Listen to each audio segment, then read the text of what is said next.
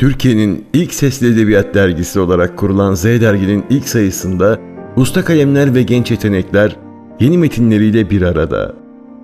Söz uçar etkisi kalır diyerek eserleri seslendirdiğimiz ilk sayımızda şiir, deneme, öykü, inceleme ve söyleşileriyle yer alan isimler şöyle.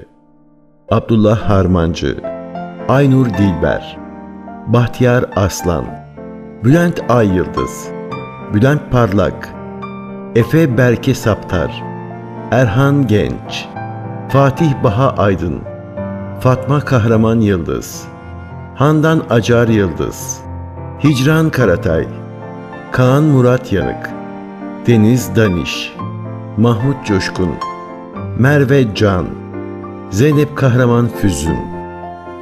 Dergimize YouTube kanalımızdan ulaşabilirsiniz. Ayrıca bir buçuk aydır devam eden Z Raporu isimli programımızda edebiyat dünyasından haberleri, dergilerin son sayılarını, yeni çıkan kitapları, usta yazarları, festivalleri, söyleşileri ve kitap fuarlarını izleyebilirsiniz.